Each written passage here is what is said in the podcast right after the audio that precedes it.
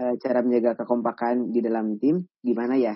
Mungkin kondisinya dia udah ini ya udah kebangun gitu keluarganya percayanya. Tapi untuk ngekipnya terus mungkin dia yang bertanya ini gimana ya kak? Ini yang nanya nggak bisa ditanya lagi ya? Maksudnya biar lebih jelas gitu pertanyaannya. Um, nah itu dia kak. Oke mungkin aku coba tanya dulu ya kak. Oke aku coba tanya ini uh, kekompakan seperti apa yang pengen kamu bangun? Oke. Sambil oh ini udah nih eh belum deh. Oke. Mungkin sambil nunggu barangkali dari kalian ada ya cerita lagi gitu untuk kekompakannya gimana ya kayak ya? sambil nunggu jawaban ya, karena ya, ya, ya. jadi kekompakan itu misalkan kekompakan yang apa namanya?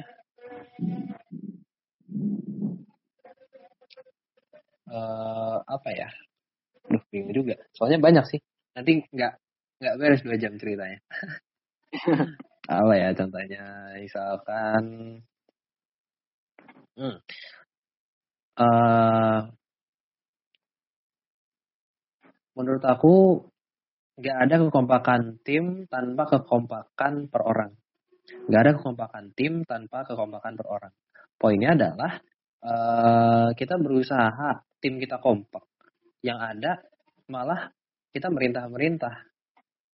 Ayo dong, datang rapat, ayo dong kumpul, ayo dong rapat, ayo dong main, ayo dong apa, ayo dong apa kayak Padahal semua orang tuh kondisinya beda-beda. Ada yang lagi sakit, ada yang lagi ujian, ada yang lagi praktikum, ada yang lagi bingung nggak sidang-sidang kayak aku, ada yang lagi kerjain tugas akhir, ada yang di kampus lain, ada yang lagi apa. Jadi uh, kekompakan tim akan terbangun ketika kita udah kompak sama tiap-tiap individunya.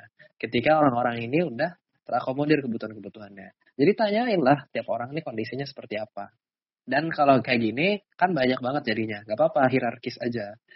Eh, ketua ke kabit, kabit ke kadif, kadif ke kasubdif, kasubdif ke tim, ke staff. Nanti uh, kadif juga berusaha ke staff juga, tapi mungkin intensitasnya nggak sebanyak itu. Ketua juga ke staff juga, tapi mungkin intensitasnya nggak banyak itu. Yang jadi prioritas adalah gimana biar kabit sama kadifnya tetap klop.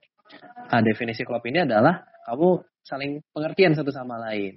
Dia masalahnya apa, kondisinya gimana. Akan sampai pada satu titik di mana, oh ya mungkin kabitnya emang harus ganti gitu. Wah chaos banget, ya nggak apa-apa itu hal biasa gitu. Karena semua orang punya kondisi mereka masing-masing. Yang pasti komunikasikan itu baik-baik. Memang kabitnya emang pengen keluar gitu. Tapi ya udah, minta tanggung jawabnya. Kamu bisa cari pengganti kamu nggak misalkan. Dan komunikasikanlah secara profesional. Nah, selama dua minggu ke depan, aku minta kamu nggak keluar dulu ya kabitku. Jadi dalam dua minggu ke depan, tolong kita lakuin sebaik mungkin. Oke, udah tuh kompak nanti.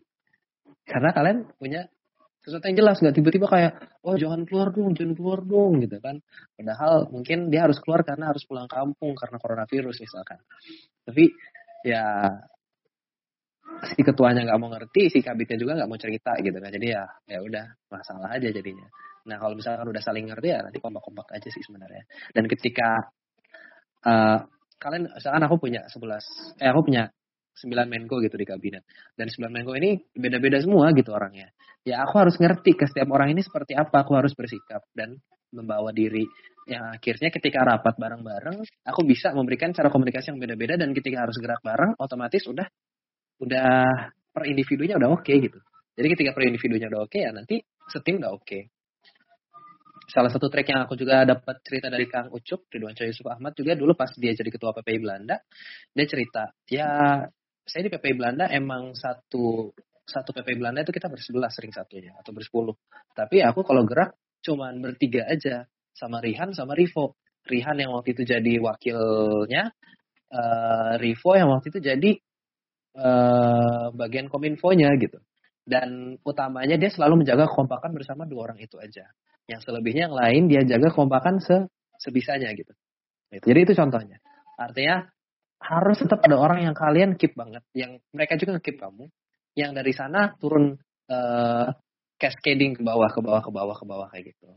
Tapi untuk bisa tetap menjaga nyawa dan semangatnya yang bawah-bawah, staff-staff, ya kamu sebagai ketua harus tetap hadir, kamu sebagai kabin dan kadif harus tetap hadir dan uh, menampakkan kalau oh ya aku pengen ikut ya, aku mengusahakan banget pengen bisa bareng-bareng kayak gitu sih.